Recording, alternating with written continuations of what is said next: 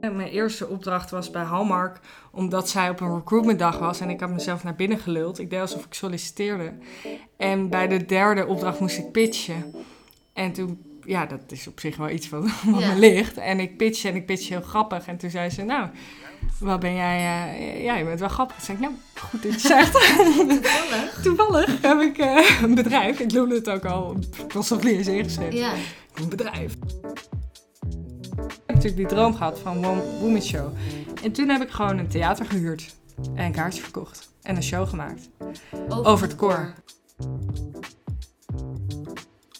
Hi, superleuk dat je weer luistert naar een nieuwe aflevering van Als ik later groot ben. De podcast voor iedereen die geïnteresseerd is in het starten van een onderneming of gewoon benieuwd is naar verhalen van ervaren ondernemers. Daarnaast volg je via deze podcast mijn weg richting mijn eigen hotel. In deze aflevering praat ik met Josephine van der Hoeven, eigenaresse van Funny Business. Ze vertelt hoe ze op het idee kwam om haar bedrijf te starten, hoe zij netwerkt en waarom humor zo belangrijk is. Veel plezier met het luisteren naar deze nieuwe aflevering van Als ik later groot ben. Wat wilde jij later worden als je groot zou zijn? Nou, ehm, ik wilde eigenlijk gewoon een one-woman show. Maar ik wist niet zo goed wat ik dan ging doen op podium. Ja. Ik wist nog niet of ik grappen ging maken of zingen. Of, eh, maar ik had gewoon zo'n... Ik zou ook circusartiest kunnen worden. Maar gewoon dat Oh, er ja. één iemand op het podium stond die vijf verschillende dingen deed. Zingen en dan weer op een trommel. En dan weer met een hond allemaal trucjes. Dat vond ik, vond ik zo bijzonder. Dus ik wilde wel mijn hele leven een soort show en mensen vermaken. Op heel veel verschillende manieren. Wat grappig. Jij bent dus echt de eerste die ook uiteindelijk is geworden wat je altijd dus al wilde worden. Ja, Dat heb ik nog niet eerder gehoord. Ja, ja ik, maar ik heb ook niet de studie. Het is niet dat ik heel stoer na mijn school naar een kleinkunstacademie ben gegaan. Nee, oké. Want wat heb je dan gestudeerd? Nou, ik zat dus te twijfelen over die kleinkunstacademie. En mijn ouders waren eigenlijk heel erg fan van het kleinkunstidee. Maar ik, ja, ik was dan zelf heel erg, ja, ik moet safety hebben. En, Oh eh, ja. dus toen ben ik criminologie gaan studeren. heel anders. ja, ja, dat vond ik gewoon heel boeiend. Ja. Ik vond het vooral heel boeiend hoe, hoe mensen, waarom mensen bepaalde keuzes maken die ik me niet kon voorstellen. ja. Dat heeft me altijd geïntrigeerd. Dat je iets doet waarbij ik echt dacht, waarom zou je dat doen? En daar wilde ik meer over leren. En dat keuzes maken en waarom mensen bepaalde keuzes maken, heeft me altijd blijven interesseren. En toen ben ik dus ook marketing nog gaan studeren. Oh. Omdat dat dan ging over niet alleen criminelen die keuzes maken, maar de Ja. hele mensheid. Wat bijzonder. En je hebt Ja. beide studies afgemaakt? Ja. Ja, mar- marketing was een master die ik mocht doen omdat ik tijdens criminologie heel veel extra vakken heb gedaan om dat, eh, Oh, om dat te doen. En criminologie heb ik geen master van gedaan. Wel nog ooit een droom om dat ooit nog te doen. Ja, dat kan altijd. nog, Ja, daarom. Ehm, hoe zou jij jezelf omschrijven? Nou, ik kreeg ooit. Ik, be- ik ga elk jaar eh, ben ik leiding op kinderkampen. Ja. En Dat is, daar ben ik het meest mezelf. Dus als ik over mezelf nadenk, probeer ik altijd na te denken hoe ik daar dan ben. En daar kreeg ik ooit de feedback dat ik een kind en volwassene in één ben. Oké, dat, dat- is mooi. Ja, dat, daar, kan- daar kan ik me wel bij, eh, bij aansluiten. Ja. maar. Dus ik ben volwassen, maar ik ben ook wel echt een, Speels of zo. ja, een kind die de eigen dromen dus wel echt eh, Ja. achterna gaat. En ik pleit ook wel echt voor om kind te blijven. Ja, Altijd. wat leuk. Ja. En ehm, zo'n kind ben je ook weer niet, want je hebt gewoon een eigen bedrijf. Je bent 24 en toch? Ja, Ja. het is gewoon een eigen bedrijf. Ja. Eh, funny Business. ja. Wat, wat is het precies wat jij doet? Nou, Funny Business is eigenlijk ontstaan omdat ik naar allemaal recruitmentdagen ging na mijn studies. En ik zag hoe super zaggerijnig iedereen was in die grote corporate bedrijven. Ja. En, eh, en al die verhalen van die bedrijven waren eigenlijk ook heel saai. Niemand kon geboeid een verhaal vertellen terwijl ze partner waren bij eh, de grootste corporates. En ik dacht, ja, dat, dan gaat er toch iets mis. En ehm, ja, dat vond ik gewoon best wel stom. En ik had helemaal geen zin om daar te gaan werken. En toen ik een beetje doorvroeg bij de bedrijven, wat doen jullie dan voor leuks of om vrolijk te? Ja, behalve de standaard skitrips, eh, waar ze eigenlijk ook voor hun werk heen gingen, vertelden ze dan over de verplichte mindfulness. Maar dan zag ik al allemaal mannen van 60 Ja, die daar verplicht op een matje zitten. Ja. dacht ik, ja, arme vent, weet je wel. Dus toen dacht ik, ja, waarom wordt er niet meer gelachen? Waarom is het niet leuker? En naast mijn studie eh, eh, kwam ik per ongeluk terecht in een cabaretwedstrijd. In een comedywedstrijd, stand-up. En ja, dat was altijd wel een droom, maar eh, dat durfde ik gewoon nooit. En toen heb ik dat wel gedaan en dat ging, ehm, ja, dat ging eigenlijk heel goed. En ja, ik, ik weet niet of het echt winnen was, maar het ging goed genoeg om het gevoel te hebben dat ik die had gewonnen. Ja. En, en toen dacht ik, ja, die twee dingen moet ik gewoon combineren. Dus er moet comedy komen naar bedrijven. Ja. En daar heb ik heel lang over nagedacht. En dat is een, ja, heel lean geweest. Maar uiteindelijk wat ik nu doe, is interviews bij bedrijven. En het liefst top-down. Dus het liefst ook echt met de CEO en de secretaresse. Want die weten het meest, allebei. En de secretaresse zegt altijd, van mij ga je het niet horen. En dan de tweede zin is wie er met wie Ja, eh, dingen doet. precies. Die weet weet alles. Ja, dus die twee mensen moet ik hebben. En dan ja, tussen een paar lagen, en dan wil ik alles horen. Eh, geheimhoudingsverklaring, alles. En dan maak ik over de dingen waar normaal over geroddeld wordt en achter schermen gepraat, maak ik een show. Om te laten zien met humor van dit is er aan de hand. En laten we het nu eens bespreken. Ja, In plaats van dat we allemaal doen alsof het allemaal geweldig is. heel ja. gaaf. En dan geef je dus een show en dan, Een comedy show. ja, en dan daarna gaan jullie er ook nog... Dat is niet het einde van wat Nou, dat was in het begin wel zo. Dat was dan de show. En dan dacht ik, nou, dan ben ik een soort nar om te laten zien waar de problemen liggen. En dan ga ik weer weg, weet je wel. Alleen, ehm, ja, en dat ging ook best wel goed. Dus zo ben ik eigenlijk ook bijna een jaar eh, eh, ja, zelfvoorzienend geweest. Alleen toen dacht ik, het is eigenlijk zonde inderdaad. Want je komt op een gegeven moment, als jij veel shows gaat geven, kom je een aantal problemen steeds komen terug. Die zie je in elk bedrijf. Eh, qua grootte, weet je, het verschilt wel een beetje, maar het is altijd digitalisering, man-vrouw verhouding. Er zijn gewoon een paar van die ja problemen. zeker. En toen dacht ik, ja, daar moet ik iets mee. Maar het grootste gevaar van ondernemen, vind ik, of heb ik weer gehoord van anderen waar ik advies aan vroeg, is dat je alles zelf wil doen. Dat je denkt, ik Ja. doe alles. Dus ik vond het ook wel een gevaar om dan al die problemen ook zelf te gaan oplossen. Om overal workshops over te geven. Dus nu ben ik bezig met partnerbedrijven eh, die daarop gespecialiseerd zijn. Dus ik heb een probleem gevonden. Ik heb daar een show over gehouden. En dan Ja, eh, verbind ik ze door, niet verplicht, dat mogen ze dan zelf weten, aan zo'n partnerbedrijf. En daar pak ik een fee op. Oh. Behalve als het probleem om happiness gaat, om, om lachen, dan ga ik er zelf mee aan de slag. Ja. Want dat is mijn specialisatie. Ja, want ik vroeg me gelijk af, inderdaad. ehm, het klinkt misschien heel onaardig, maar zo bedoel ik het niet. Maar jij hebt natuurlijk niet verstand van, van elk probleem, toch? Dus- Nee. Nee, zeker niet. Eh, en dat is, wil ik ook zeker niet zeggen. Maar het is altijd goed om een externe Ja, eh, te laten kijken, zeg maar, wat aan de hand is. En ik los het probleem dus ook niet op. nee. Maar ik laat het ze zien. Het, ja, ja. Ja, en ik laat ze zien op een andere manier. Namelijk humor daagt je uit om iets van een andere manier te moeten bekijken. Ja, Op verschillende, dat, eigenlijk het type humor verschilt een beetje per wat ik moet laten zien. Hoe ver ik kan gaan in hoe hard ik ben. Of dat, dat, dat is een hele fijne lijn. En ik denk dat het verschil tussen een cabaretier bijvoorbeeld en wat ik doe, is dat ik de corporate taal spreek. Omdat ik ja, eigenlijk dat als achtergrond heb. En daardoor heel goed weet wat ik wel en niet kan zeggen.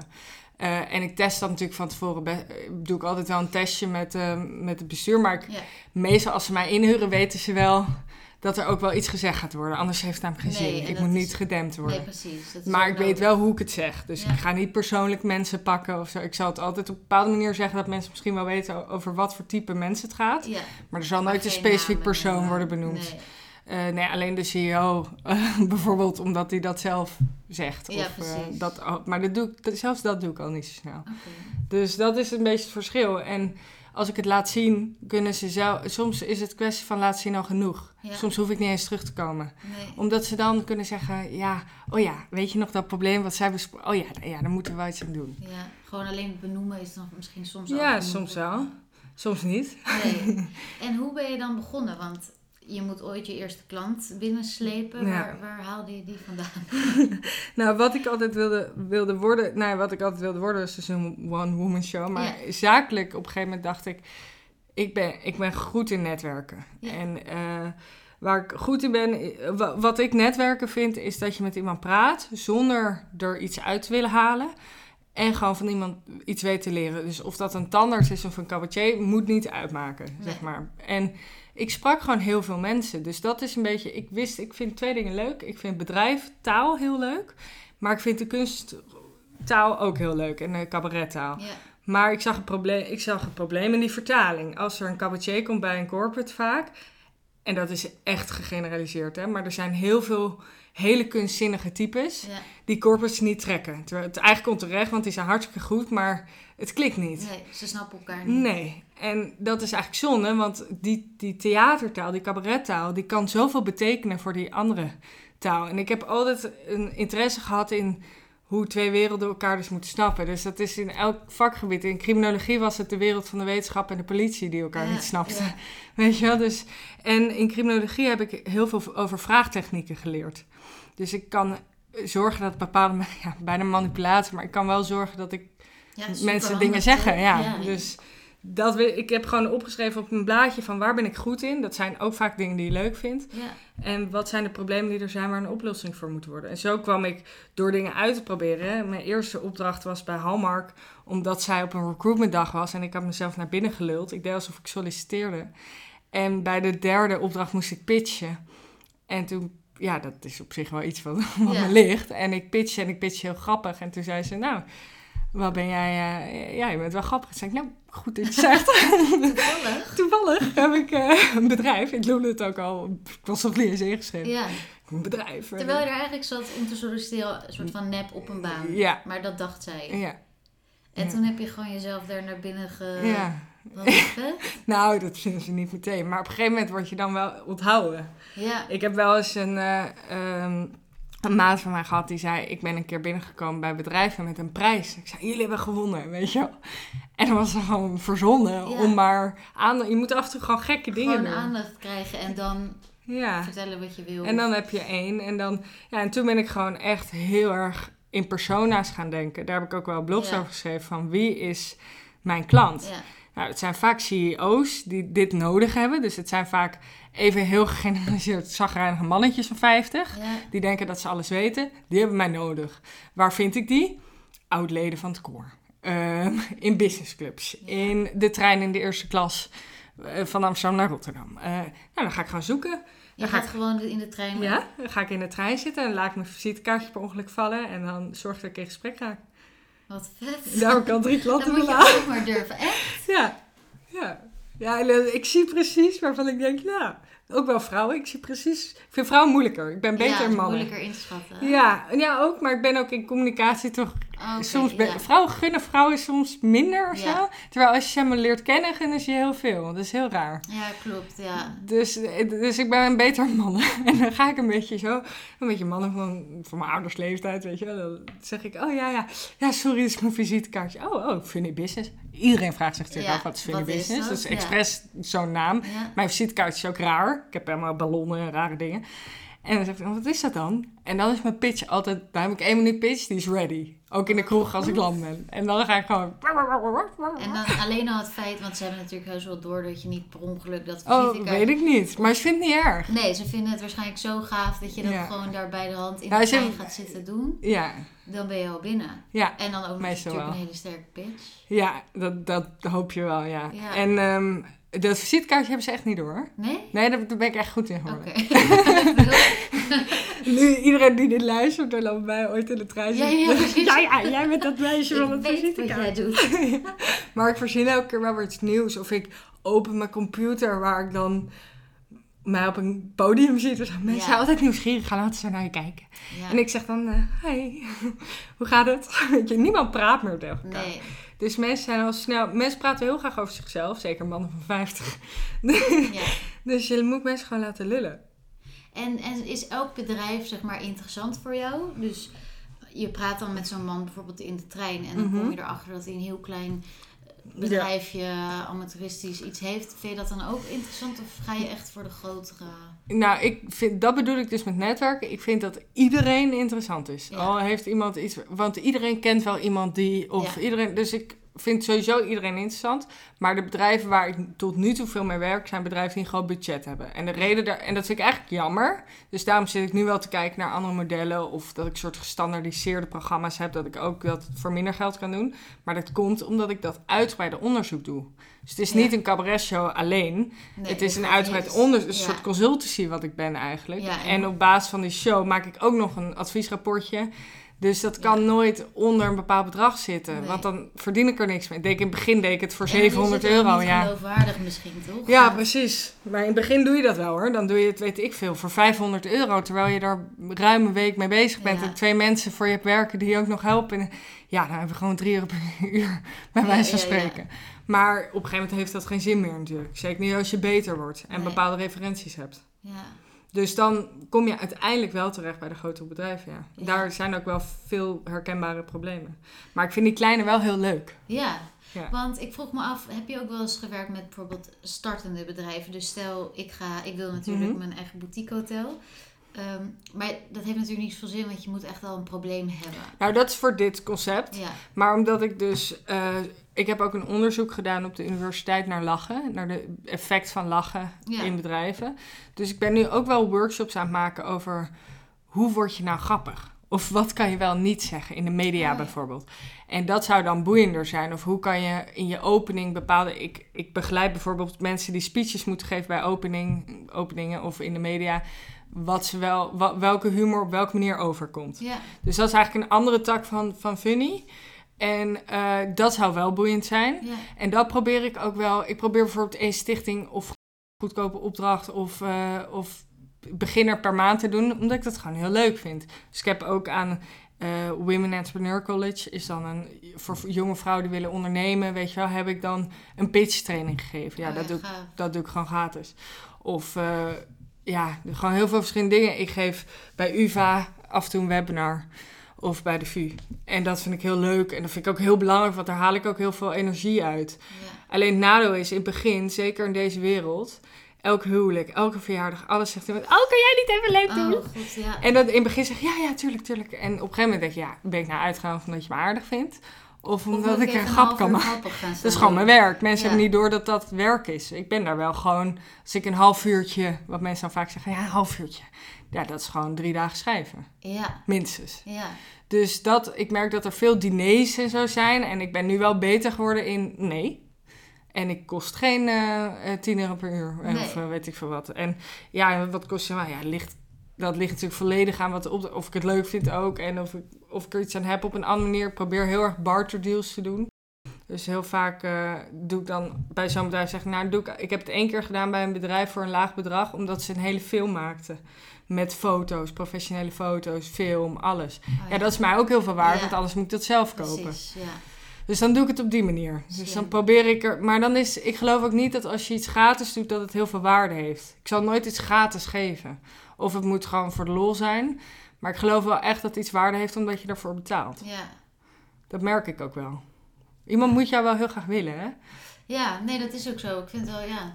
Het lijkt me inderdaad, daar heb ik het ook wel eens in een eerdere aflevering over gehad. Dat mij lijkt het dan bijvoorbeeld heel moeilijk met dat boutique hotel. Dat inderdaad dan vrienden gaan dan waarschijnlijk zeggen: Oh, kan ik niet even een weekendje? Weet je wel, net als dat ze bij jou zeggen: Oh, kan je niet even op dat diner?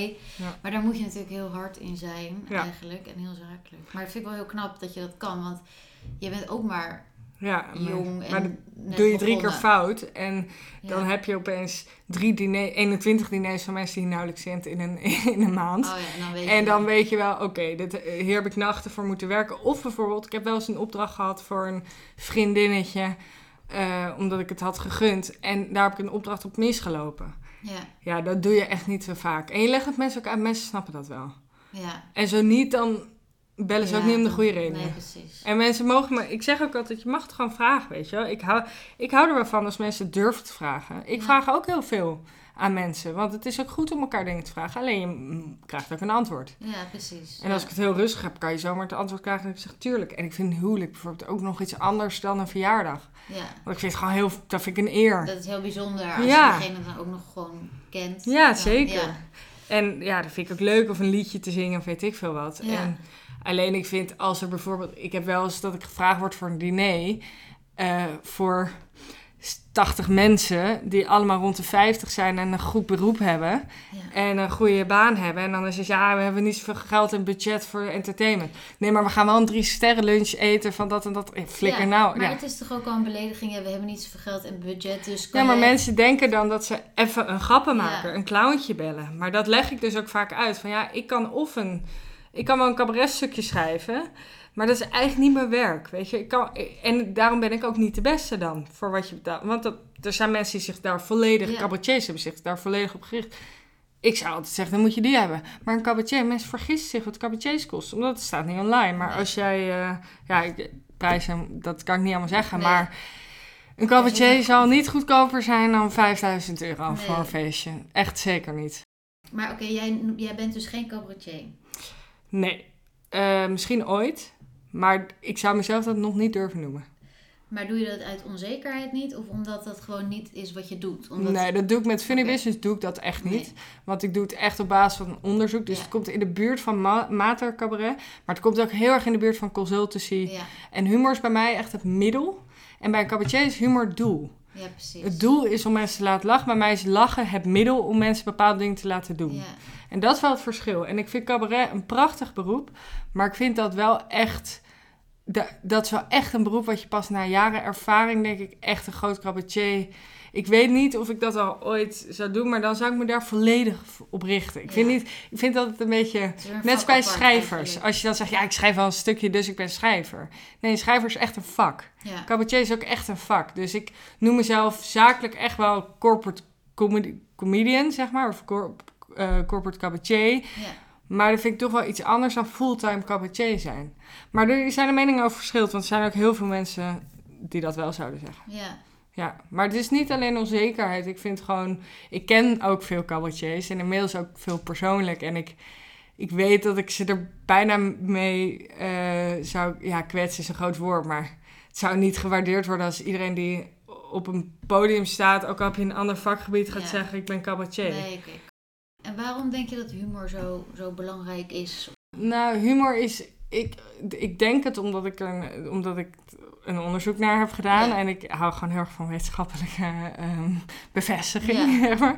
En humor is heel gevaarlijk. Maar als je weet hoe je daarmee om moet gaan. En dat is ook de reden dat niet iedereen zomaar dit werk gaat doen, denk Nee. ik. Ehm, maar als je. Ik heb me echt opgeleid in wat je wel en niet kan doen. En heel veel advies genomen van. eh, eh, ja, van eh, ook cabaretiers, maar ook mensen die erover schrijven en zo. En er zijn ook heel veel mensen tegen humor in de, in de wetenschap. Die zeggen, humor is heel gevaarlijk. Als hier bijvoorbeeld iemand binnenkomt en wij zitten hier met z'n tweeën en wij schieten in de lach, Ja, denkt die persoon altijd dat je hem Wordt pijn doet. En in zijn ja. hoofd zie je ook, dus bij onderzoek zie je ook pijn. ja, En dat is het gevaar van lachen en humor, weet je. Je kan hem heel erg buitensluiten. Maar als je het goed waar. gebruikt en echt goed, en daarom pleit ik echt voor lachen in bedrijf, maar wel met een begeleider die uitlegt hoe je het wel niet moet neerzetten. Dus ik heb wel eens bedrijven die in teams bijvoorbeeld heel erg naar hun zin hebben. En dan zeggen ze ja, we snappen het echt niet, want wij hebben het zo naar ons zin. Maar dat team heeft, eh, zit nooit te lachen. Ik zeg nee, omdat jullie met elkaar je binnenpretjes hebben. Ja. En dat is de allergrootste uitsluiter van iemand anders. Jouw binnenpretjes zijn buitenpretjes voor hun. Ja. Dus je kan niet met elkaar binnenpretjes gaan hebben als zij erbij zitten. Dan moet je hun erin betrekken. betrekken, ja, precies. Dus ja. humor is, als je het goed gebruikt, ontzettend effectief. En dat is ook bewezen. Het zorgt voor een ontlading, waardoor je je spanning kwijtraakt van je dag. Als je elke dag op, bij het koffiezetapparaat even gelachen hebt, kan je weer Ja. veel effectiever werken. Het zorgt voor heel veel rust. Het zorgt voor een laag bloed- bloeddruk. Je verliest calorieën. Er zijn heel veel voordelen, ja. En er zijn bepaalde stofjes die je aanmaakt, die je ook aanmaakt tijdens sporten of knuffelen of lachen of zoenen. Alleen, ehm, je moet dat wel goed neerzetten, want anders zorgt het voor verkeerde dingen. En daar wilde ik me dus op specialiseren. Van hoe, hoe moet je dat Hoe nou... gebruik je dat goed? Ja, en dat is ook het verschil met de cabaretier, denk ik. Ja. Want die gebruikt humor ook wel om mensen pijn te Ook doen. Want door, soms, ja. doordat het pijn doet, eh, raakt het je. En een cabaretier wil je raken, Ja. wat ik ook wel wil. Alleen een cabaretier wil ook wel heel erg kijken hoe ver ik kan gaan. Ja. En ik zorg wel dat ik ook echt niet te ver ga, want dat is in het bedrijf helemaal niet handig. Nee, dat kan me voorstellen. Dat is nog net even anders in Ja, ik weet, niet, ik weet niet of je dat altijd moet doen, of je dat moet willen, zeg maar. Nee. Jij helpt ook met, met het, eh, eh, het maken of het bedenken van een goede pitch. Ja. En heb je daar dan tips in? Want kijk, ik moet natuurlijk op een gegeven moment ook een perfecte pitch eh, kant en klaar eh, hebben. Dan heb ik dat nodig. Heb je dan tips voor mij? Ja, ehm, eh, op het vlak van humor dan even, want Ja, de rest ja. kan je toch zo op Nee, internet precies. zoeken. Nee, op, op jouw... Ehm, Oké, er zijn twee typen mensen. Extravert en introvert. Ja. En die type mensen hebben een verschillende vorm van humor. Dus het eerste tip is kijk naar wat voor type je bent. Introvert. Probeer daar, nou, introvert. Introverte mensen, anders dan ik ben extravert. Ik ben heel ad rem. En dat kan ik ook. Want Ja. mijn proces van denken gaat heel snel. Ja, En honderd dingen tegelijk. Maar een introvert persoon moet dat niet willen. Die moet niet, Nee, want het proces gaat dat kan anders. ik ook niet. Nee. nou dat is goed dat je het ziet. Want vaak zijn die grappen vallen verkeerd, zijn te bot of zijn omdat het ad rem proces niet zo goed gaat. Ja. Dus wat introverten juist heel goed kunnen, zijn repertoiregrapjes. Dus een vast repertoire van bepaalde grapjes. Het zie je bijvoorbeeld heel goed bij de horeca. Dat iemand een koffie neerzet en dat je dan zegt... eh, die hadden we niet besteld. Dat iemand zegt, oeps, bijna goed. Dat is echt Ja, een repertoire grapje. Ja, ja. En eh, dus als introvert is het goed om van tevoren al een paar grapjes te bedenken. Oh. Want die bedenk je niet op het moment. Dus dat is het begin. En eh, iets wat, wat algemener is, is dat ik altijd die pitches tegen de spiegel vertel. Of opneem. Het is wel confronterend. Maar Ja. ook cabaret. Iedereen, je, nee, je wordt altijd op een comedy show, je wordt altijd opgenomen. Ook als je op een open podium staat, vaak wordt het opgenomen. Dan kijk je zelf terug en de eerste drie keer is dat verschrikkelijk. Maar je leert daar wel heel veel van. Ja. Eh, Hoe is het, eh, ik krijg het een hak op de tak voor mijn gevoel, Ja, maar want hoe is het nu voor jou tijdens corona dan? Nou, de events zijn allemaal uitgesteld. En dat was rot, omdat ik begon mijn bedrijf nu ruim een jaar geleden. En het begon, ik heb natuurlijk lean opgezet en, dat, en het begon eigenlijk net lekker. Ik had net echt veel klanten staan en Ja. opdrachten en al getekend en echt alles stond klaar. En toen kwam corona. En ik was Oh. natuurlijk wel de eerste die de lul is, want mijn podium is tussen 200.000 mensen vaak. Ja, Dus het is groot. En dat gaat gewoon niet. Dus alle events gingen niet door. Ik was ook gespreksleider ergens, moderator, weet je wel. En dat gaat allemaal niet door. En dat is gewoon passief inkomen natuurlijk. Want dat bereid ik wel voor, maar niet een week lang. Ja, Dus dat was wel heel zuur. Maar ja, je bent ondernemer, weet je wel. Dus dat, dat was je ook al een jaar geleden. Dus niet dat je nu niks kan verzinnen. Alleen, je, het is allemaal wel heel snel. En je moet constant de keuze maken van... ga ik nu short-term mijn tijd zetten in iets verzinnen... ja. wat dan nu gaat werken... en dan volgende week is het voorbij... en dan moet ik weer op het long-term focussen? Of ga ik gewoon zeggen... nou, ik heb een paar maanden even geen events... maar ik ga me helemaal klaarzetten voor straks. voor als we weer kunnen. Ja. Ja. Dus ik heb die combinatie gemaakt. Dus ik heb, ik heb een eh, vak bij Yale gedaan bij de universiteit over de science of happiness. Om nog iets meer over die happiness te weten. Om meer workshops te zetten.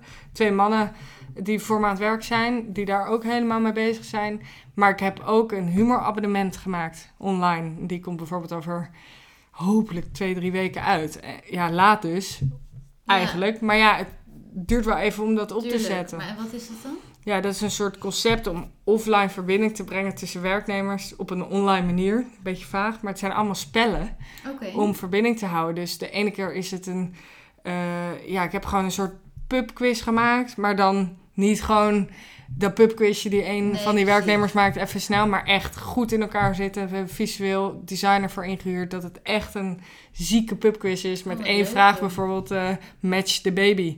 En dan moet je een babyfoto met een beroemdheid matchen. En als je op de baby klikt, hoor je de lach van de Oh, volwassenen. Echt dat niveau.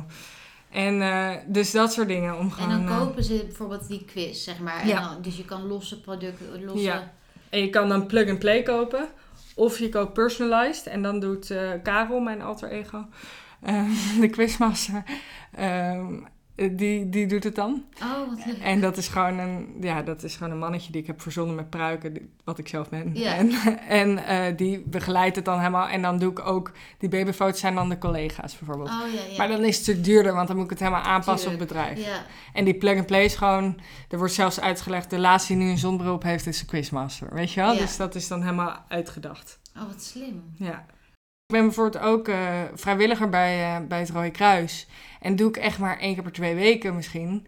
Maar je hebt altijd wel weer iets wat je daaruit... Nou, niet dat je er iets uithaalt, dat klinkt zo lullig. Nee, maar, maar bedoel... je, je leert mensen kennen Ja. met verhalen, met Ja. mensen weer die zij kennen. Dus Ja. dat is wel Dus op mijn verjaardag kennen, denk ik... Er is geen vriendengroep. Ik heb niet één vriendengroep.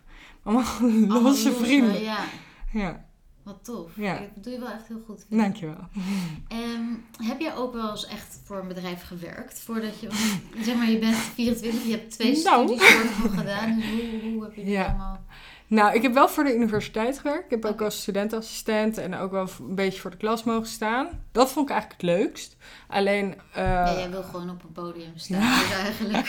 ja, en zeker. En, en een combinatie van op het podium staan en mensen helpen. Ja, oh ja. Dat vind ik echt leuk. Want het is niet... Het hoeft niet alleen... Ik vind het leuk als, als, als ze naar mij kijken, hoor. Maar ja. het hoeft niet per se om mij te gaan, zeg maar. Uh, ik, vroeger wel. Maar inmiddels merk ik ook wel dat ik zonder de credits heel erg kan genieten ja. uh, van iets bieden. Maar ik vind het heel vet om mensen iets te leren en um, mensen te helpen. En ja, dat, ik, ik denk dat als ik nu fulltime voor een baas zou werken, dat het heel snel een stichting zou zijn. Oh, ja. uh, dat zou toch wel snel, um, of maatschappelijk werk, politie eerder, weet je wel. Dus Ja. snel, dat komt toch wel heel veel terug. Uh, wat haak staat op mijn ambitie om een topvrouw en CEO te worden, bla bla bla. Ja. Nou, dat is een stiekem uh, altijd wel een soort ambitie. Dat helpt je ook verder in doorzetten met ondernemen. Maar aan de andere kant denk ik, als ik heel eerlijk ben, denk ik dat ik dat best wel kwijt mag raken. En gewoon Ja. bij een stichting heel gelukkig ook zou kunnen Ja, maar de- en je kan toch ook zo'n top eh, zakenvrouw Tuurlijk. worden met funny business. Ik bedoel, als Tuurlijk, dat tuurlijk. helemaal de bom wordt, dan ben je Ja. toch eigenlijk al echt een mega zakenvrouw. Ja, maar je moet, het wel, je moet het wel, als je echt een mega zakenvrouw bent, dat moet je ook wel willen of kunnen, Ja. een beetje rationeel zijn. En dat is iets waar, waar je heel erg in ge- geframed bijna bent, ook in Rotterdam en in je studie, van dat dat allemaal moet. ja. Maar nu ik wat ouder, nou ik ben natuurlijk nog steeds jong, maar Ja. nu ik weer iets ouder word, denk ik ook wel van, ja, moet dat? Ik gaf eigenlijk geen antwoord op je vraag, twee vragen geleden. Maar ik zit na te denken wat je precies vroeg, want ik gaf... Oh ja, of ik ooit voor een baas heb gewerkt. Ja, oh ja, ja. Ja, ik zat later te denken, ik heb die vraag niet beantwoord. Lichtelijk Oh ja, bewust. je, je hebt voor eh, de universiteit. Ja, maar ik heb ook wel echt een paar keer voor een baas gewerkt, wat geen succes werd. Want ik ben wel echt een ondernemer.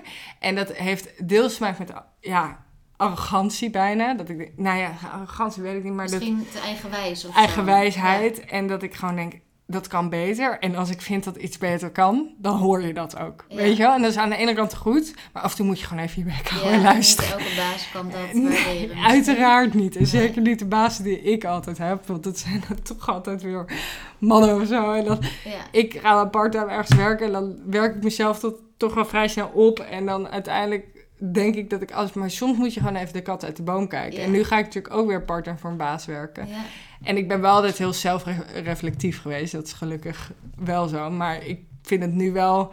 Ik ga mezelf wel echt eh, vaak genoeg knijpen van... Oké, je mag af en toe iets zeggen, maar soms moet je gewoon even een Oké. weekje wachten. Ja. Oh, En aankijken hoe iemand iets doet. Want ik, ja, ik ben natuurlijk eigenwijs genoeg en ondernemend genoeg om te denken dat ik de hele wereld kan veranderen. maar dat is natuurlijk... Ik ben maar... Ik ben Niet uiteindelijk één persoontje. Ja. Goed vervangbaar. En dat slaat natuurlijk ook nergens op. Nee. Dus, ehm, dus ja, ik weet, ik weet niet of ik echt goed voor een baas kan werken. Maar ik ben nu... Het is wel goed, denk ik, dat je het wel hebt ervaren. Ja, toch? en ik ben heel eerlijk. Dus Ja. in, ik zeg ook tijdens een sollicitatie altijd, dan zeggen ze altijd, wat zijn je slechte kanten? En dan zeggen mensen, nou, ik ben heel perfectionistisch. Ja, standaard. Ik zeg gewoon, nou, ik ben echt niet gedisciplineerd. maar ik ben wel heel goed in zorgen dat ik daar iets aan doe. Dus ik heb Ja. bijvoorbeeld nu eh, bij mijn bedrijf dacht ik, oké, ik word ondernemer, maar ik heb geen discipline. Hoe ga ik dat doen? Ja, Ik bel een nichtje van 14. Ik zeg tegen haar, jij belt mij elke dag om 9 uur 's ochtends. Wat ga je doen? En je belt me elke dag om 6 uur 's avonds. Wat heb je gedaan? En je krijgt daar 1 euro per dag voor. Maar Ja, seconden te hoe bellen. slim is dat? Maar dat, dat, daar ben ik goed in. Om dan Ja. te denken van, nou, oké, ik ben daar niet goed in, dus ik moet er iets aan doen. Dus we gaan het oplossen. ja, Hoe maar ik, zal niet liegen over ik niet goed in ben. Want daar heb je gewoon niks aan. Nee, en het is niet zo dat jouw nichtje dan om zes uur belt en dat je dan zegt... Nou, ik heb dit en dit en dit Nee, je moet- je dat eigenlijk ja. niet- Nou, daar hou je jezelf natuurlijk voor. Je moet wel iemand hebben. Kijk, mijn nichtje is bijvoorbeeld iemand waar ik. een- Ik wil dat ze trots op me is. Weet je, Oh, ik wil het voorbeeld daar. Daarom be- bel ik bewust zo iemand. Ja, Dus het moet wel iemand zijn waar je iets voor wil. Ja. Snap je? En moet ook niet je ouders of je, of je vriend zijn of zo, want dan word je pubraal.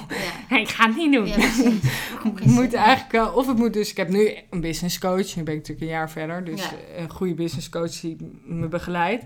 Maar het moet wel mensen zijn waar je ja, dat voor wil laten zien van kijk, ik, ja, dat helpt wel voor die discipline. Ja, Wat goed, wat slim. ja.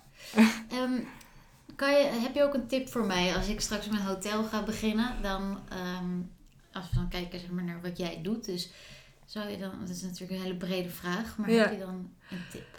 Nou, ik denk wel dat het gevaar van ondernemen is. En dat, dat ja, kan ik wel tegen je zeggen, maar dat zijn de mensen ook tegen mij. Maar goed, dat zie je achteraf toch pas. Je vergeet af en toe te genieten van die weg daar naartoe. Omdat je de hele tijd weer een nieuw doel hebt. Weet je wel? Mijn eerste doel was mijn eerste klant binnenhalen. Toen was het mijn eerste 5000 euro. Toen was het mijn eerste 10. Weet ik veel. Dus elke keer heb je een nieuw doel. En dan lukt dat. En dan ben je alweer met je tweede doel bezig. En dat is eigenlijk wel zonde. Ja, af en toe moet je even wat langer stilstaan bij wat je bereikt. Ja, dus ik geef nu altijd een feest.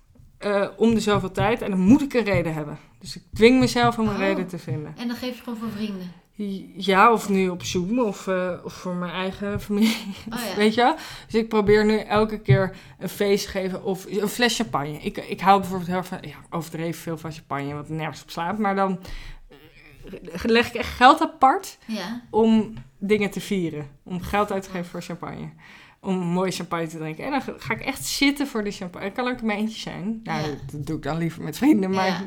maar dan moet je dus een goede reden hebben. Nee, het hoeft dus niet perfect. Het mag ook gewoon een nieuwe klant zijn. Maar je moet gewoon zorgen dat je jezelf dwingt om minstens één keer per twee, drie maanden gewoon dat even ja, te even te vieren. En op te schrijven wat er is gelukt. En ik hou dus een dagboekje bij met de wins of today, weet je, al die dingen. Oh, ja. ja, en dat, er zijn heel veel mensen die heel veel ingewikkeldheden daar verbinden. Ik doe het heel simpel. Ik doe gewoon, probeer min, drie dingen, soms twee dingen waar, wat, waar ik dankbaar voor ben op die dag. Het hoeft niet altijd met mijn bedrijf te maken te zijn. Maar als jij zelf een bedrijf hebt, dan heeft eigenlijk op een gegeven moment alles met je bedrijf te maken. Ja. Ja, dus ja, want je gaat gewoon heel veel fallbacks krijgen. En je, dat hoort er gewoon heel erg bij. Ja. En ik heb ook wel eens een, op podium gestaan bij een bedrijf. Dat is overigens wel jammer, want dat is mijn laatste optreden geweest. Die is gewoon niet zo goed gegaan. En hoe kwam dat En dat is de eerste keer dat het echt niet goed ging. En ik was het er ook mee eens. Ik heb, ook, heb het ook meteen gezegd. Van ja, ik, ja, het kwam echt wel deels door mezelf. Uiteraard, het komt altijd door jezelf. Maar het kwam ook... Ik heb ook niet de rust genomen om de informatie bij hun te halen. Maar bijvoorbeeld de, de baas zat er ook bij de gesprekken met de medewerkers. En dat oh krijg ik ook niet. Ja, maar dan had ik zelf beter moeten aangeven. Dat weet ik nu. Maar dat heeft gewoon niet de waarde gehad die ik eigenlijk wel had kunnen hebben. En daarnaast was het een ICT-IT-achtig bedrijf. En dat zijn weer hele andere type mensen. En ik heb ook wel geleerd dat dat niet per se mijn klanten zijn. Want het zijn mensen die niet heel graag naar een podium, naar een theater. Die willen gewoon achter een scherm. Ja. Laat me met rust. Weet je wel? Dus, maar nogmaals, het kwam natuurlijk groot nieuws door mezelf. En dat is gewoon keihard. Ja. Want je, en zeker grote bedrijven zijn heel hard in feedback. Ja, maar heel je voelde al van, oké, dit ja, was niet, geen succes, want je kreeg het ook echt terug van zo. Nee, eerst, nee, eerst gaan mensen natuurlijk beleefd klappen en oh, het was zo leuk, bla bla bla. En dan loop je weg en dan ben je opeens, voel je opeens heel alleen, zeker als je alleen optreedt. En dan denk je echt van, ja, ik weet gewoon, ik, ik weet gewoon zo goed inmiddels, na al die optredens, wanneer iets raakt. Ook als je grap maakt en het wordt niet gelachen. het is gewoon heel awkward. Ja. En dan probeer je iets nieuws en dan werkt het niet. En dan op een gegeven moment raak je er soms uit. En dat is, moet je natuurlijk niet hebben. Maar je, dat is het gevaar van bedrijven. is eigenlijk het moeilijkste publiek. Hè? Want die moeten ergens heen. Ze gaan niet... Als ik in een comedypodium sta, gaat het eigenlijk altijd wel ook. Ja, want mensen kiezen ervoor een kaartje te kopen. Maar een bedrijf, daar worden ze verplicht. Ja want er is een probleem. Ja, en ja, en, ja nou zo, oh, dat, zo verkoop ik het gelukkig niet. Maar ik heb ook wel eens gehad dat mensen zeggen, nou, we hebben een cabaretier ingehuurd. En dat vraag ik ook vaak of mensen dat niet willen doen. Of ze maar als spreker willen aankondigen. Want anders verwachten ze één grote cabaret over ja, kak. continu lachen. Ja, en, dat is niet mijn doel, weet je Dan moet je het anders hebben. Dus um, ja, dat, dat is gewoon hard. En dan moet je wel even zo'n boekje hebben met wat er wel goed is gaan. Anders denk je echt, laat maar. Ja. Wordt gewoon moeder. Ja, Punt. super mee. ja. En oké, dit was dan een minder, minder ja. uh, succesverhaal. Heb je ook één bedrijf waar je echt denkt, ja, dat ging echt top. En je hoeft niet het bedrijf te doen. Nee, precies. Ik zit na te denken, want soms, om dat echt goed uit te leggen, moet je natuurlijk in detail gaan. Dat vind ik dan heel moeilijk, omdat het of mag gewoon niet. heel trots op bent. Ehm, nou, waar ik heel trots op ben, is de manier. Ja, trouwens, ik heb ooit. Uh, ik ben lid geweest van het koor. Ja. En uh, ik ben helemaal geen koortype of zo. Maar ik wilde het gewoon proberen, omdat ik dacht, ja, ik kan er wel alles van vinden. Maar als ik niet lid word, dan wie ben ik, weet je wel? En ik heb daar altijd wat van gevonden. Dus ik ben altijd geen koormeisje geworden, maar ook niet anti. Gewoon een beetje, ja, ik weet niet. Ik, vond, ik was daar heel objectief eigenlijk in het midden. Ja. En ik merkte wel dat er ook in de media en in de wereld heel veel rumoerigheid om me heen zit. En dat gaat mij natuurlijk interesseren. Ja. Dan denk ik, oh, boeiend. En ik heb natuurlijk die droom gehad van One Woman Show. En toen heb ik gewoon een theater gehuurd. En een kaartje verkocht. En een show gemaakt. Over het koor. Oh, echt? En dat was uitverkocht. Dus dat, eh, ja, dat is uitverkocht. En daarna nog honderd keer online verkocht. Eh, voor een mooi bedrag ook. Dus dat... 100 keer online, als in dat mensen het online Ja. konden terugzien. Wauw, ja, dus goed. dat had ik nooit durven dromen. Dat het mijn eerste show was. En ook wel heel stoer. Ja, ik had natuurlijk wel echt wel mensen om me heen die me hebben begeleid en geholpen. Maar uiteindelijk heb ik zelf de, de stap genomen om gewoon theater te huren. En Ja. dat is ook wel wat mijn bevriende cabaretier, of ja, kennissen, zeg Ja. maar... Die, wa- Heel tof die zeggen vinden. altijd, ja, dat is wel heel stoer. Dat je gewoon zegt, fuck it, ik, ik huur een theater Ja, en ik ga gewoon kaart verkopen. ja En ik ga over iets praten waar het heel gevoelig ligt. Waar ik mezelf ook nog eens volledig eh zelfs... Want ik ben nog gewoon zelfspot iemand. Ja, Over eh, al mijn gevoeligheden in mijn studententijd. En ik nodig iedereen uit. Ja, je kan goed de plank misslaan als je voor 230 man eh, Zo. staat. echt wel. Ja, dus dat was wel heel vet. En als er dan ook nog... Want dat vond ik misschien nog wel het coolst. Kijk, dat uitverkocht is is één. Dat is wel super cool. Maar als je het dan verkoopt daarna van 90 man... Ja. Dat zijn mensen die hebben gehoord dat het goed is. Ja. Anders koop je het niet. Nee. Dus dat vond ik wel heel cool. En ik heb ook wel spontaan twee dagen van tevoren dat ik gevraagd ben voor een lustrum. En dat was voor meer dan duizend man. Om te spreken. Ja, te spreken, grappen te maken Ja. te spreken. En die waren net gemengd gegaan, eh, de vrouwen en de mannen toen. Oké. En dat was heel gevoelig. Nou, daar ga ik aan. Ja, ja. Dus, maar dat ging echt heel goed. En waar ik het meest trots op ben van het hele verhaal is dat ik afging en dacht, ik ben trots. Want ik heb altijd wel iets aan te merken op wat ik doe. Ja. Of ik heb altijd afga en ik denk, dat moet beter, dat moet beter, dat moet beter. En nu ging ik af en dacht dit is goed gegaan. En dat, dat is voor mij, dan is het echt een succes. Nog meer om het principe dat ik zelf tevreden ben dan omdat het werkelijk een succes was. Ja, Dat wil ik gewoon beter leren. Om vaker gewoon te zeggen, nou, dit is goed. ja. In plaats van, eh, ja, dat, Altijd ja, kan altijd beter. hebben. Ja, weet je. Ja, ja. Nou Ja. goed, dat is toch weer even stilstaan en even vieren. precies. Dat het gewoon hartstikke goed gaat eigenlijk, toch? Ja, nou, Ja. dat vind ik dus het belangrijkste als je gaat ondernemen. Dat je dus de hele tijd viert eigenlijk. Ook als het... Want wat ook irritant is, is social media. Jij ziet allemaal start-ups binnen een half jaar Ja. miljoenen verdienen. Dat je denkt, hè, doe ik iets fout? Ja. Alles lukt. Ja. Maar ja, wat ik zet, ja, ik zet het, probeer dus af en toe wel op social media te zetten, maar je gaat niet snel op LinkedIn zetten. Ja, het is corona en ik heb echt een hele moeilijke tijd, ik verdien gereed en ik Nee. zit de hele dag thuis uit mijn neus te vreten op de bank en Netflix te kijken omdat ik het niet voor elkaar krijg. Om, dan staat er op social media, gebruik deze tijd om innovatief te zijn. Ja. Ik wil gewoon Netflix en depressief zijn, dat ik geen opdracht heb. Ja, laat me met rust. Ja. Ik wil niet Maar veranderen. ergens is het toch super verfrissend voor mensen om dat juist wel een Ja. keer te horen van iemand. Ja, maar het is wel heel eng hè, om Ja. dat te zeggen. Dus Ja. ik ben deels voor dat zeggen, en dat zeg ik ook echt wel. Alleen om daar nou een post over te schrijven. Want ik, af en toe Ja. doe ik het ook wel, maar ik vind het een hele lastige toon. Want ik vind, ja, weet je, want dan zeg ik bijvoorbeeld, eh, ik zit op de bank te Netflixen en ik weet niet meer wat ik moet. Ja, ik ben echt nog wel van plan om dat een keer eerlijk op te schrijven. Ja. Maar tegelijkertijd, drie dagen later gaat het weer goed. Dus Ja, moet je dat dan ook posten? Van, nou, Ja. nu gaat het wel weer. Dankjewel voor jullie support. ja, dat is ook een beetje lastig. Het is ook een beetje vragen om. ah, Ja, precies dat. Van, Ja, geef me geld. Ja, dat wil je ook niet. Dus ik heb ook getwijfeld om bijvoorbeeld crowdfunding. Vind ik heel goed dat mensen dat doen. Ja, vind ik echt heel goed. Maar ik vind het wel stoer. Want je moet wel... Toen ik die video verkocht, vond ik het wel fijn dat ik dus iets voor kon bieden. Ja, Ik heb een accountant die bijvoorbeeld mij gratis heeft geholpen... die ik normaal echt niet had kunnen betalen. Was ik heel dankbaar voor. Vond ik ook lastig. Moet je als ondernemer wel kunnen om dat Ja. aan te nemen. Maar ik heb haar bijvoorbeeld een video... Ja, van mezelf. nou, bedankt. Je Ja. hebt je een video van mij. een video gestuurd. Maar het is wel fijn dat je iets kan sturen. ja, precies. Je verkoopt wel echt iets. Ja, En, dat je wel een soort barterdeal hebt in plaats Ja. van dat je gewoon gratis hulp hebt. Dus Ja. dat steunen als iemand dan... Ik heb wel eens 250 euro gekregen van iemand. Die zei, ik vind het zo cool wat je doet. En ik weet dat je in een moeilijke wereld zit. En toen was corona net begonnen, dus ik heb een bepaald bedrag gedoneerd. Gewoon zonder dat je erom vroeg. Ja. Ja. En dan neem je dat wel aan. Dan, Ja, dat moet je gewoon aannemen. Maar ik heb daar wel... Ik heb daar wel moeite mee. ja, Maar tegelijkertijd, wat een onzin, weet je wel? Want iemand zegt, ik vind het zo vet wat je doet. Eh, eigenlijk had ik 13 opdrachten staan, hè. Die zijn allemaal weg. Eh, waarvan niet alles nog getekend, maar een groot deel was al getekend. dat geld was, en niet alleen het geld, ook de actie, was wel de reden van om, nou een bekende, verre bekende die, die Ja. dat doet, dat je weer even krijgt van wauw, er zijn mensen die zo in mij geloven, dat ze me nauwelijks kennen.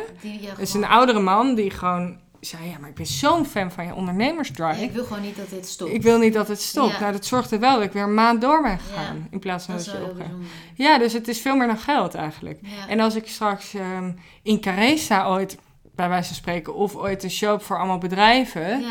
Dan zit hij natuurlijk elke show daar gratis bij. Dus Ja, uiteindelijk precies, geef ja. je dat wel weer op een manier terug. ja. Ik zou altijd, als hij me nu zou vragen, zeg ik ja, ook huwelijk eh, wat er is. Terwijl Ja, tuurlijk, 250 ja. kost ik niet, weet je wel. Nee, maar, het Maar principe. zo bijzonder dat hij dat doet. Ja. Ja. ik vind dat. Maar ook, soms hoeft er geen geld te zijn. Maar iemand die, eh, weet ik veel, je logo of je website of je... Of alleen al een pep talk. Ik kreeg een ballon van een vriendinnetje toen eh, corona kwam. Omdat ze zei, eh, ik heb je niet gesproken, maar ik gok dat het een hele lastige tijd voor jou Ja. is. Ja, dat vind ik gewoon zo lief, Ja, dat je dat bedenkt. Ja, Want iedereen is met zichzelf bezig, ik ook. ja, Dus ja, dat dat is heel bijzonder. ja, vind ik ook. Ja. Oké, ik heb een laatste vraag voor je. Ja. Ehm, dat, die vraag ik eigenlijk aan iedereen. Dat is meer voor mijn eigen research. Eh, als jij in een hotel slaapt, ja. Eh, wat moet een hotel dan hebben, zeg maar, waardoor jij het gaat aanbevelen bij vrienden en familie? Dus wat maakt voor jou een hotel anders of bijzonder? Ja, er zijn eigenlijk twee typen eh, hotels waar ik slaap. Of ik slaap, ik ga dus heel vaak schrijven, alleen. Ja, Eh, dus dan ga ik, of heel vaak, maar om een paar maanden probeer ik alleen of met een vriendinnetje en dan eigen ding doen, weg te gaan, vier dagen of zo, naar iets van natuur of iets ergens. En dan kies ik op twee verschillende manieren. Of ik ga voor roompotvakanties. ja. Cottage, helemaal simpel, omdat het goedkoop is. En als ik maar een beetje mijn eigen ding kan doen en ergens aan een bureautje, dat is voor mij trouwens heel belangrijk, dat ik ergens aan kan zitten. Ja, En het liefst ergens op uitkijk, uit een raam. Want Ja. ik schrijf voor heel veel. Ja, dus rustig. Zeker nu er geen horeca open is, want dan moet je wel in je kamer zitten ja, schrijven natuurlijk. Of eh, het mag echt extreem luxe zijn en dan spaar ik daar echt voor. Dus En ga je, Zit dan, daar niet ga je dan ook om te schrijven? Of is dat dan meer... ja, ja, kan ik ook om te, ja, of, of met mijn vriend, maar ook met mijn vriend. Wij kunnen ook heel simpel zitten. Het Ja. is gewoon meer dat ik dat tussenweg vind ik dan zonde. En denk, ja, dan Ja. is het een beetje net niet. Dus het moet of eh, Of simpel echt van, zijn, Oké, hier ga of ik echt, echt- van genieten en Ja. ik geld voor over. Ja, precies. En dan, eh, ja, een bad kan ik bijvoorbeeld heel erg van genieten. Of een type, hoe heet het nou? Dekbed overtrek. Ja. Wat voor type, dat vind ik zo belangrijk. dat het lekker... Ja, dat het soort linnen Ja. of zo. En de, van die luxe dingen. Een Nespresso-apparaat. Ja. Ik geen filterkoffie hoef te drinken. Het is gewoon luxe dingen, weet je wel? Dus dat is dan voor mij, als ik voor de luxe variant ga, wat ik denk dat boutique hotel eerder zou zijn, Ja. ja, gaat het en om de ligging natuurlijk, maar ook wel een beetje om de luxe. En het hoeft bij mij, eh, het zal bij anderen anders zijn, niet te groot te zijn. Als in je kamer hoeft niet Ja. groot. Nee. Nee. Oké. Nee, eh, ik vind het leuker om bijvoorbeeld, als het bureau bijvoorbeeld in een lobby staat en zo, vind ik dat ook leuk. Ja. En het zou het liefst, ik vind bijvoorbeeld het Vondo Hotel in Amsterdam, Ja. dat is echt een van mijn favoriete hotels. Helemaal niet groot, Nee, maar, maar, het is zo knus. Ja. Ja. dat vind ik veel leuker dan een grote lege kamer. ja, dat vind ik ook inderdaad. Ja. Schilderijen. Ja? Ja, vind ik heel leuk altijd. Hoeft ook niet per se mijn stijl te zijn, maar gewoon van die dingen die je bij de vintage winkels koopt. Ja, oh, ik vind, dat, ik vind dat dubbel. Want soms hangen er ook van die dingen op hotelkamers dat ik denk... Maar het heeft altijd wel een verhaal of zo. Dat, heeft, Ja, dat vind ik altijd wel boeiend. Ik vraag me dan af wie van. Het is ook leuk als ik het verhaal ken. Want er- soms zit zo'n verhaaltje bij van ja, we hebben dit gekocht toen en toen. Ja, ik kan dan helemaal fantaseren bij zo'n schilderij waarom ze dat dan gekocht hebben of zo. Ja, dat, dat vind ik heel leuk. Ja, dat is inderdaad heel leuk. Als je het verhaal erachter snapt. Ja, of maar eigenlijk moet je dat er gewoon bij zetten. Ja, Net als in een museum. Ja, Dan heb je bij elk schilderijtje een verhaal. Want dat brengt. Weet je, ik ben natuurlijk van de verbinding en zo. Nou, ja. Alleen dat kan je natuurlijk in zo'n hotel heel goed doen. ja, want dan verbind je eigenlijk echt je gast Ja. aan je hotel. Ja. Dan wordt het persoonlijk. Ja. Ja. Dus, en dat zou ik denk ik ook, voor zover ik je ken, bij jouw vrienden passen. ja. Het moet geen onpersoonlijk zakelijk Nee, hotel worden. Nee, zeker niet. Nee. Nee, dus dat, eh, en ja, van die kleine dingetjes als, eh, weet ik veel, dat je ontbijt meekrijgt als je weg moet in een schattig zakje. Het kunnen hele kleine dingetjes zijn. Ja. Ja. Leuk. Ja, Nou, heel erg bedankt. ja, alsjeblieft.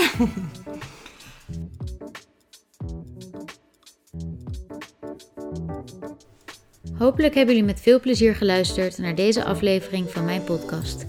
Als je het leuk vindt, kan je een reactie of een review achterlaten via Apple Podcast. Je kan mij ook volgen op mijn Instagram, Sophie Knoten, voor een kijkje achter de schermen.